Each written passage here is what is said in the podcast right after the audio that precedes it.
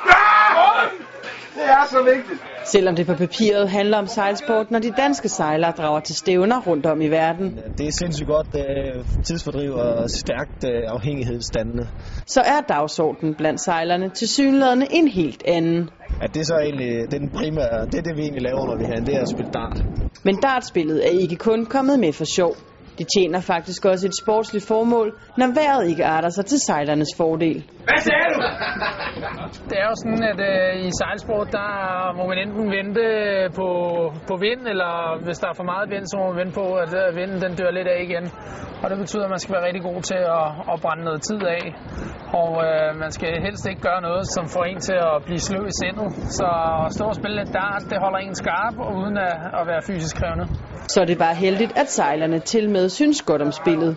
Også selvom der ikke er helt enighed om, hvem der er bedst til at sætte pilene. Nej, hvor er det heldigt, mand. Ja, nu har jeg jo aldrig tabt i dart, jo. Det har han.